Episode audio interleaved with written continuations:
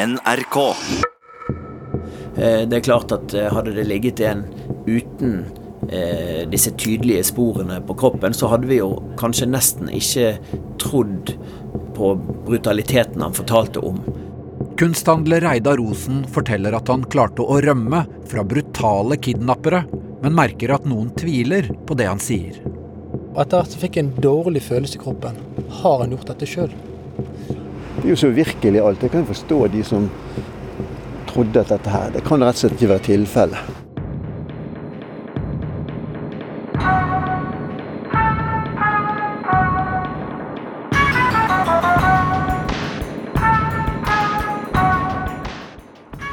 Du hører på Bortført i Bergen av Gry Veiby.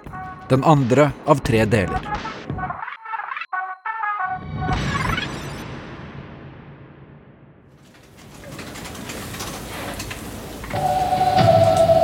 En 67 år gammel mann er skadet og innlagt på Haukeland universitetssykehus etter at han ble bortført med pose over hodet, slått og ranet i Bergen i kveld.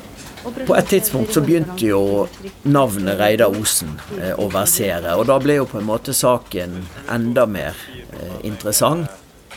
Det er ikke bare politiet som fatter interesse for bortføringa av Reidar Osen. Eh, både fordi at eh, vi ikke trengte å eh, anonymisere denne historien, for han er jo en mann som har søkt oppmerksomhet, og som er en offentlig person. Og også fordi at vi i det hele tatt hadde et ansikt bak denne historien. I TV 2s lokaler i Bergen begynner ryktene å spre seg. En av journalistene som får ferten av en god historie, er Sturla Dyregrov. Eh, men da begynte jo vi å ringe og sende meldinger og prøve å få fatt i Osen. Dyregrov og kollegaene hans veit ikke ennå at mobilen til Osen er smadra og ligger spredt utover et øde område i Hausdalen øst i Bergen. Eh, og så hadde vi vel mer eller mindre eh, gitt opp å få tak i han. Eh, Det ringte fra et ukjent nummer på telefonen min, eh, og jeg svarte. Og så var det broren til Reidar Osen. Han presenterte seg og sa at eh, Reidar gjerne ville møte meg. Redaksjonen rydder kjøreplanen, og Dyregrov tropper opp på Haukeland. Men de må vente på gangen. Politiet tar avhør på sykesenga. Da vi kom opp på sykehuset, så eh, var to av etterforskerne fra politiet inne hos eh, Osen og, og satt og avhørte han. Og de var vel mer eller mindre ferdig akkurat da vi eh, kom, så jeg tror vi fikk et bilde av at de gikk ut.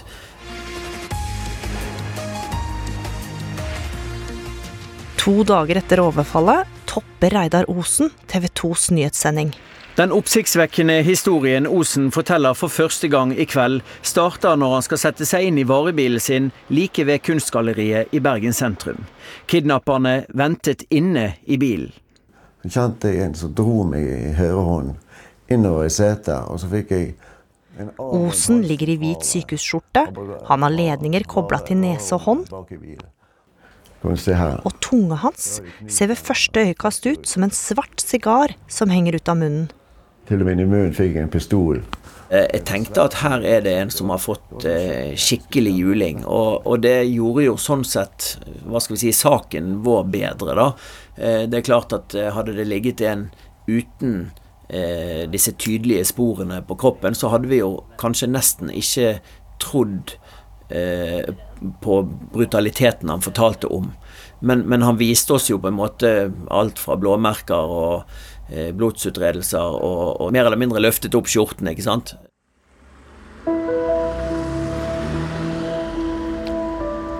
Jeg gikk jo med sånn eh, katet og, og ledning eh, eh, derfra og ned i en pose på kneet med tappekran på i, i mange måneder etterpå. Hverdagen er ikke som før for Reidar Osen.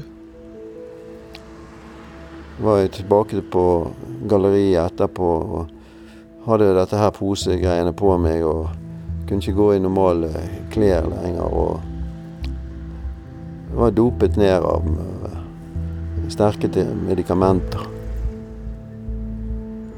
Jeg var så dårlig sjøl at jeg hadde privatsjåfør et halvt år. Han er mer skvetten og ser seg over skuldra. Når jeg er hjemme også, så har jeg eh, alltid når jeg åpner døren og slått alarmen og sånn sett, så er jeg likevel spent om det står noen på innsiden av døren i leiligheten min. Jeg har også fått laget meg et sånt eh, sånn eh, beskyttelsesrom med jerndør og, og gassmasker og alt sånt som jeg har hjemme, i tilfelle noe skal skje igjen. Osen trasker ofte over gata til politistasjonen. Husker jeg gikk i bare tøfler der og sulla over gaten. Jeg ga det liksom Det var ikke så nøye hvordan jeg var og gikk og sånn. Så. Han kommer stadig på flere detaljer han vil fortelle politiet. Jeg regnet jo med at dette skulle ordne seg. Jeg visste jo ikke hva som foregikk bak, eh, bak eh, i kulissene. Jeg eh, jeg gikk ut ifra at politiet gjorde en, en, god jobb der, men Men uh, tiden gikk jo jeg, Det skjedde jo liksom ikke noen ting. Allerede kvelden han ble bortført, peker Reidar Osen ut mannen han mener må ha planlagt overfallet. En rumensk mann som måtte flytte da Osen solgte bygården han bodde i. Politiet oppsøker den såkalte hovedmannen. Homan er der, til sammen med sin kone. Politietterforsker Kenneth Berg. Foruten den tidligere leieboeren og kona hans, er det også seks andre rumenere til stede. Politiet samler alle i stua. Så eh, bruker de da Homans kone som tolk. Der hun spør for politiet i plenum er det noen som kjenner til kidnappingen av Reidar Osen. Der samtlige svarer til stede i stuen nei. Politiet tar bilde av deres ID-kort og forlater stedet. Berg er kritisk til kollegaenes rundspørring. Her burde politiet tatt disse menneskene, rumenerne, over til politihuset. Godt over veien, 26 skrittene. Det har ikke kostet politidistriktet en eneste drivstoffutgift. Tatt de over, avhørt syv av de som vitner, og den ene homannen som mistenkt. Vest politidistrikt har ikke ønska å kommentere opplysningene. Kenneth Berg får etter hvert følelsen av at mange av kollegaene ikke tar saken så alvorlig. Et par uker ut, ut, ut, i etterforskningen så kom jeg i kontakt med noen kollegaer som har lang erfaring i politiet, som sa til meg ja, liksom, hva er du gjør på noe? Nei, jeg jobber med kidnappingen og etterforsker kidnappingen av Reidar Osen. Ja, men ikke han litt sånn der Litt sånn jeg tenkte litt på det der og da. liksom, Hva, men, hva mener du med det?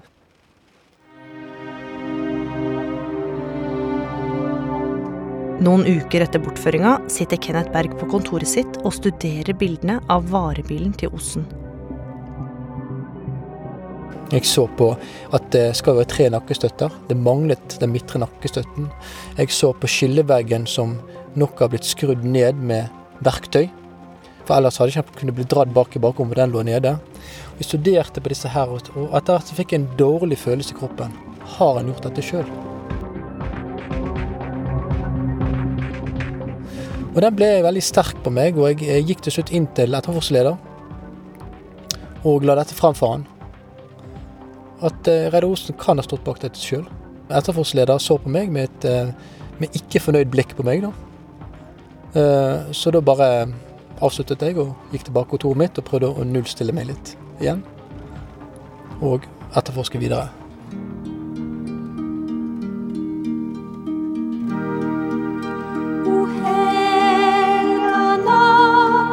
Etter et par ukers etterforskning nærmer det seg juleferie.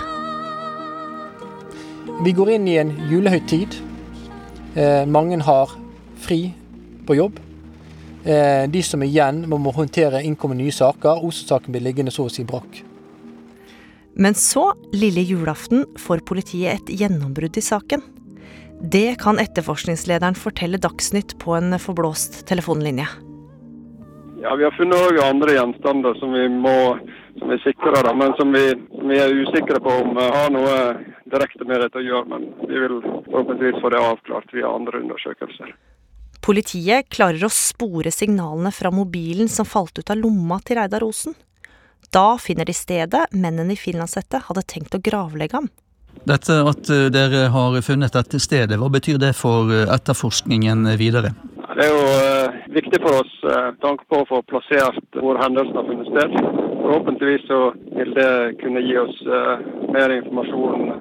Og eh, politiet er interessert i opplysninger fra vitner som var i Hausdalen onsdag 9. desember mellom klokken 18 og 19. Her nede i dette terrenget her, her var det etterforskningslederen eh, så skoen, og den skoen er jo brun. Det må være utrolig vanskelig egentlig å kunne se. Politietterforsker Kenneth Berg står i mørket og peker mot en skråning. Der finner politiet Osens skinnsko. De finner også strips, gaffateip og den knuste mobiltelefonen hans. Eh, Og eh, her nede er vel det som Reidar Osen mente var en klargjort gravstand. Der han skulle ende sine dager, som han har sagt da.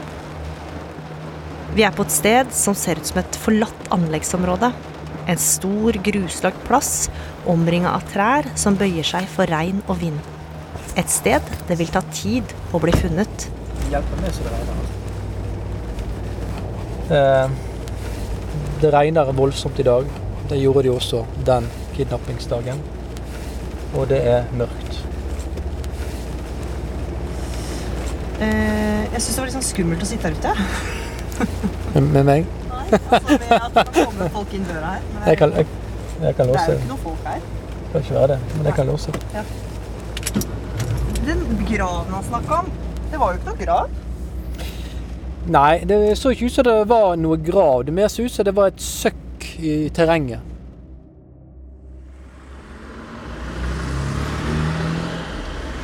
Alt var liksom konsentrert i området. Her er jo masse trafikk rundt om her. Så Jeg er ved galleriet til Reidar Osen. de tok en sjanse. og De, de var heldige som klarte å gjøre det uten å vekke oppmerksomhet. Osen har grått helskjegg og hvit skjorte under allværsjakka. Den tidligere modellen og skitreneren holder seg godt for alderen. Han er over 70 år, men går med lette skritt. Så jeg tipper det har stått en følgebil oppe i bakken her også. Der de har hatt utsikt når jeg gikk ut av galleriet rett der borte. Når jeg har gått ut, så har de gjort seg klar. Osen står ved parkeringsplassen. Det var her han ble overfalt og bortført. Det er et busstopp rett ved, og et steinkast unna ruver Bergen politikammer. Både biler og folk passerer jevnlig. Hvordan kunne noen finne på å overfalle ham her? Ja. Så jeg kan jo nesten forstå Det er jo så virkelig alt. Jeg kan forstå de som trodde at dette her Det kan rett og slett ikke være tilfelle. Det må jo være en historie som Reidar har funnet på. Men eh, det var det ikke. Hørte du det sjøl, at noen trodde at du hadde funnet på? Ja, det var en journalist som sa veldig bra at de fant skoene rett oppe på Oppe i eh, Oppe, oppe i Hausdalen. Dette med kidnapping og sånn, det er på en måte nytt her i byen. Det skjer jo egentlig aldri.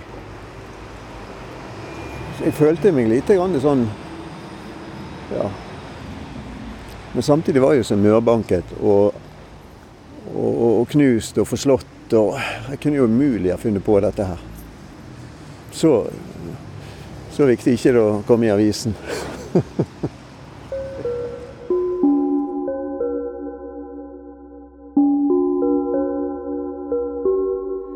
Hva er det med denne Reidar Magne Hjalmar Osen som gjør at noen tviler på historien han forteller?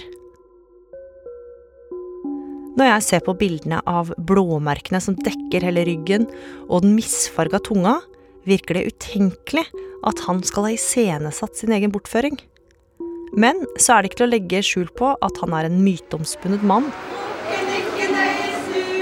som opplever de utroligste ting. Det er jo et fantastisk kompliment for Galleri Nygaten.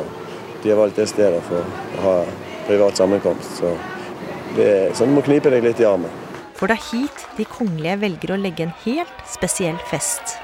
Men han var jo helt i ekstase. Han kunne jo nesten ikke tro det sjøl at Mette Louise ville feire 30-årsdagen sin her. Renate Johannessen, for øvrig omtalt som Reidar Rosens sommervind av en kjæreste i et eh, portrettintervju i Bergensavisen.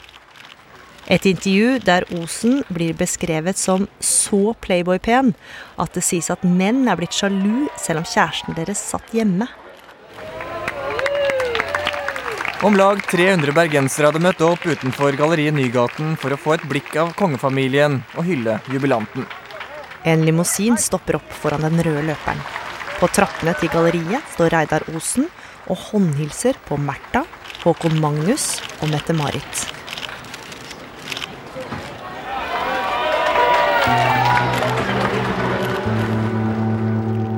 Men det som skulle bli Reidar Osens fjær i hatten, blir ganske snart noe helt annet. Når bergenserne blar opp i Bergens Tidende dagen derpå, kan de lese et portrettintervju med gallerieieren. Så det er ingenting som har gjort meg mer forbannet enn akkurat den artikkelen der. Tittel på portrettet 'En sjarmerende sjarlatan'. Sjarmerende, ja. Sjarlatan, nei. Vi sitter foran peisen i galleriet. Osen er tydelig opprørt, selv nesten 20 år etter. Til tross for at avisa ga en beklagelse og inngikk forlik som plaster på såret. Blir du litt sur når du bare tenker på det nå, eller? Jeg blir helt, jeg blir helt opphisset, altså. Jeg var så dårlig etterpå, etter å ha hatt min største dag i livet, å lese denne drittartikkelen i portrettet framstilles Osen som en litt suspekt karakter med tvilsomme kontakter. Saken var signert den unge journalisten Gard Steiro. Det gikk jo enormt mange rykter om han, sant? og så tror jeg òg Reidar Osen liksom dyrket litt det, de mytene om seg sjøl òg, da. Steiro er i dag ansvarlig redaktør i VG. Det jeg først lurte på da han ble bortført, var jo har han kommet inn i et miljø, eller en eller annen, er det et eller annet som, handel som har gått galt, eller noe sånt, var det første jeg tenkte. Og så Da jeg så bildene av han, så så jo han så um, var jo åpenbart veldig skadet. Men jeg lurte på hva som var bakgrunnen for at det hadde skjedd. Var han et tilfeldig offer, eller var det et eller annet, en eller annen kontakt eller et eller annet som hadde gått galt der?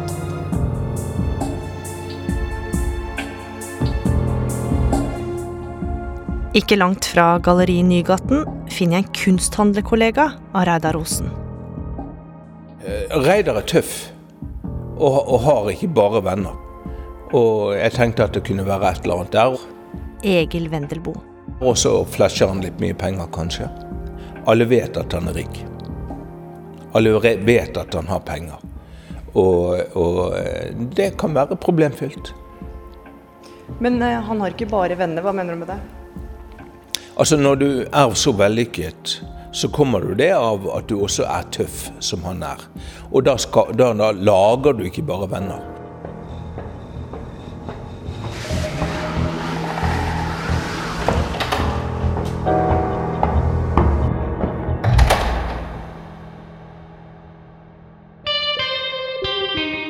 Kvelden Reidar Osen ble bortført, hadde han flere tusen kroner på seg i kontanter. Ja, jeg hadde faktisk eh, 10 000-11 000 kroner på meg. Det er noe jeg ikke helt har skjønt. Hvorfor hadde han det? En kveld han skulle kjøre søppel til fyllinga? Da var det akkurat en leieboer som hadde betalt husleien. En som eh, ikke hadde hadde bankkonto her i Norge sjøl, så han måtte betale kontant. og da var det nå hadde jeg fått. Jeg betalt direkte. Har du ofte kontanter? Ja, jeg har vel hatt det opp gjennom tiden. Det er noe sånn Jeg hadde et maleri. Jeg fikk vel tre millioner kroner. Nå gaper du, ser jeg. Tre millioner kroner i kontanter? Ja. Det er lenge siden det er nå. Det ble kalt tidenes dollarglis.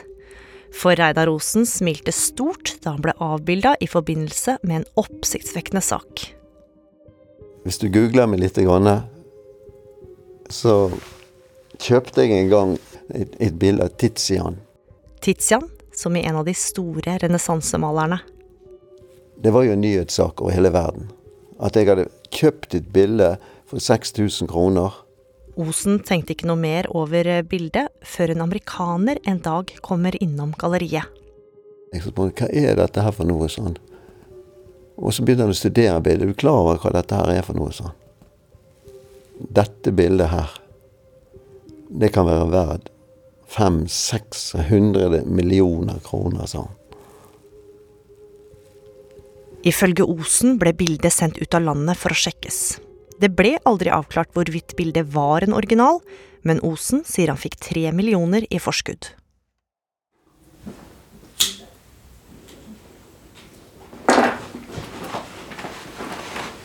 En av dem som merker seg historien om overfallet på Reidar Osen, er kunsthandler og eiendomsinvestor Einar Tore Ulving. Fra herskapshuset sitt i Tønsberg følger han nøye med. Hva tenkte du da når du så Reidar Osen-saken? Eller det som har skjedd nå? Det første som slo meg, det var likhetspunktene. Og det ene likhetspunktet det er at vi er, begge er kunsthandlere. Det andre likhetspunktet er at vi begge driver med eiendom og utleie. Det gjør Osen også. Og det tredje tingen, det var at de ba om akkurat det samme beløpet. De ba om to millioner. Det var samme brutalitet utvist både hos Osen og hos meg. Så jeg syns det var mange likhetspunkter, og dermed så har jeg fulgt med den saken. Ulving kontakter Reidar Osen. Kan det være de samme som står bak? For fem år før Osen ble bortført, opplevde Ulving et lignende mareritt. Fem ransmenn holdt et ektepar som gisla i Tønsberg i natt. Se for deg at en maskert mann plutselig står over senga di midt på natta. De neste timene en pistol mot tinninga. Med skytevåpen, kniver og avbitertang mishandla ranerne mannen og forlot dit fastbundet. Politiet ser svært alvorlig på saken.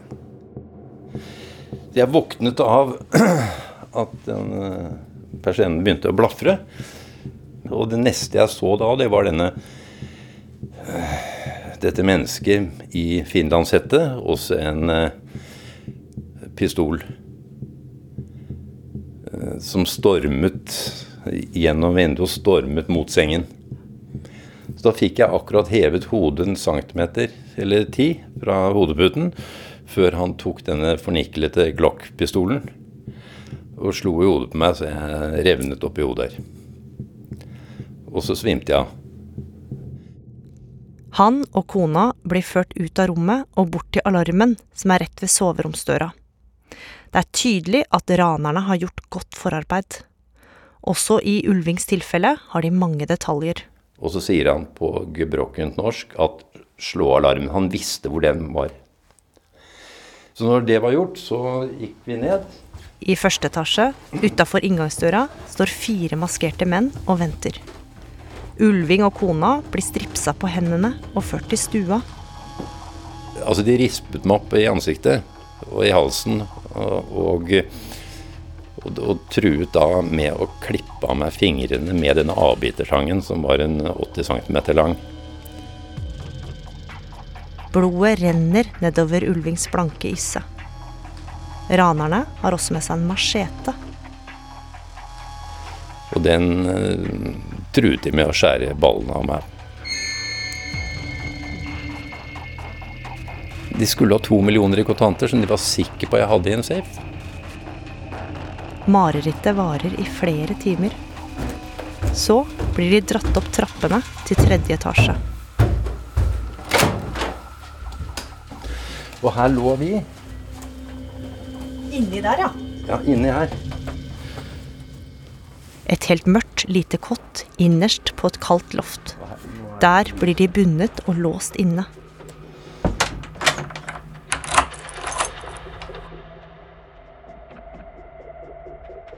Ulving klarer snart å sparke opp døra. De maskerte mennene har forsvunnet. Akkurat som de gjorde da Reidar Rosen ble bortført. De som brøyt seg inn hos Ulving i 2010, ble aldri tatt. Men Ulving fikk millionerstatning for alle verdisakene ranerne fikk med seg.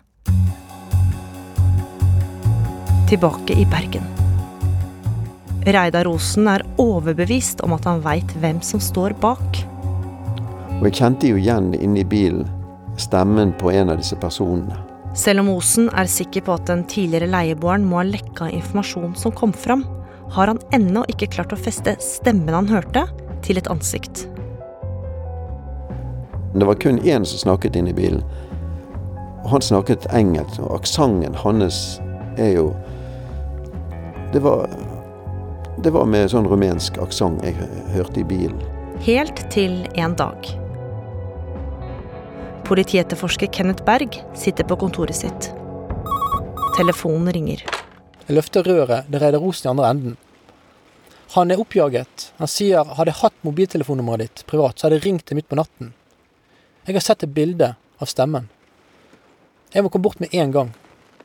Reidar Osen har funnet et bilde i sosiale medier. Han kommer bort på kontoret mitt og viser da et bilde som han har på telefonen sin. Osen er sikker på at stemmen han hørte i bilen, tilhører kameraten til en tidligere leieboer.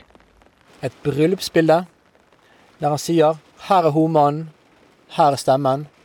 Stemmen er forlover i homanns bryllup. Alle brikkene faller nå på plass. Den karakteristiske stemmen er en kompis av leieboeren som måtte flytte. Kenneth Berg studerer bildet. Snart sporer han opp den såkalte stemmen. Det viste seg faktisk at stemmen hadde vært i Hordaland fylke når kidnapping fant sted. Han eh, visste seg at han var rumener, men han viste seg at det gikk under politiets radar. Han er ikke registrert i folkeregisteret, ikke registrert i arbeidsgiverregisteret. Kjørte i biler som ikke tillot han, ikke var registrert på han. Brukte kontanter. Etterlot seg lite spor. Berg vil teste om Osen klarer å gjenkjenne stemmen. Jeg eh, tenker OK, her må jeg gjøre noe. Reidar Osen har måtte sagt fra dag én at han er i godt gehør. Han har bodd mange år i utlandet, sier han, og eh, har god dialektforståelse. Og jeg finner ut jeg må lage en stemmekonfrontasjon. Den neste uka bruker Berg og kollegaene hans på å finne rumenere i samme aldersgruppe som han på bildet. Dette var veldig utfordrende, for rumenerne viste seg ikke være så samarbeidsvillige. De ville ikke. Det var vanskelig å få det inn. Til slutt, så for å få fylt opp det kravet jeg måtte ha med fra ni til tolv stemmer, så måtte jeg til slutt bare nappe med meg to musikanter på hjørnet. Pakke ned saksofonen, få de inn, servere en kopp kaffe og få stemmen deres. Reidar Osen blir kalt inn til politistasjonen. Der må han sitte alene i et rom, mens politiet spiller av alle lydkuttene. The same DNA is found in different types Reidar Rosen sitter dypt konsentrert mens han hører på lydopptakene. such as En av stemmene på opptaket tilhører den såkalte stemmen. Han sitter nå i arresten. Der er han. Der er stemmen. Jeg kjenner han igjen. Jeg bør ikke høre mer. Det er han. Osen er ikke i tvil. Han sa 'dette stemmen'. Han eh, måtte forlate politihuset uten å vite resultatet av stemmekonfrontasjonen. En time seinere kom kollegaene mine ned med rapporten. Stemmen Reidar Osen har pekt ut, tilhører den mistenkte. Der det viste seg at den han hadde plukket ut to ganger på mensk og to ganger på engelsk, det var mannen som satt i arresten hos oss, stemmen. Men det blir likevel ikke noe gjennombrudd. Mannen med stemmen løslates. Han har alibi for kidnappingsdagen. Mobilen hans slo ut på Stord, langt unna der Osen var. Konsekvensen av dette det er at saken kollapser totalt. Etter at den såkalte stemmen blir løslatt, føler Berg seg helt aleine. Den påfølgende uken så kobler etterforskningslederen seg helt av. Saken ble overført til meg elektronisk, dvs. Si at jeg har det totale ansvar for saken. Og den kvinnelige kollegaen jeg har hatt med på laget, hun ble tatt ut av saken. Ble satt på andre saker. Så i uken etterpå, i midten av februar, så er jeg totalt alene med Mose-saken. Hvorfor setter ikke politiet inn flere ressurser på saken? Kenneth Berg frykter saken nå går mot henleggelse. Selv om Reidar Osen har klare teorier om en hovedmann. Hovedmannen var jo ikke avhørt engang. Hovedmannen som Reidar Osen har pekt ut når han ligger på sykebordet, er ikke avhørt. Det er ikke mulig. Det går ikke an. Vi kan ikke, vi kan ikke henlegge saken på dette tidspunkt. Kenneth Berg mener spor ikke er fulgt opp, og at mye etterforskning gjenstår. Jeg ville forsøke å få avhørt hovedmannen før vi eventuelt henla saken. Men det skulle vise seg å bli en jævlig kamp. Etter hvert som jeg har sittet alene med denne saken, etter hvert som jeg vurderer saken, etter hvert alle de årene jeg har vært der på voldsseksjonen over tolv år, så må jeg si at jeg, jeg, jeg er sterkt forundret over måten denne saken er blitt behandlet på. Eh, jeg føler at det sitter noe i veggene i politihuset overfor han.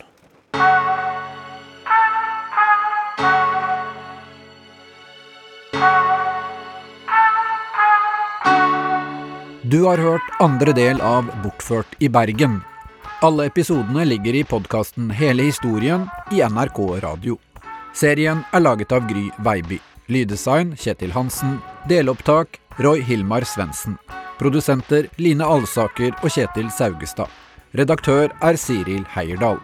Spesialkomponert musikk ved Hanne Hukkelberg. NRK.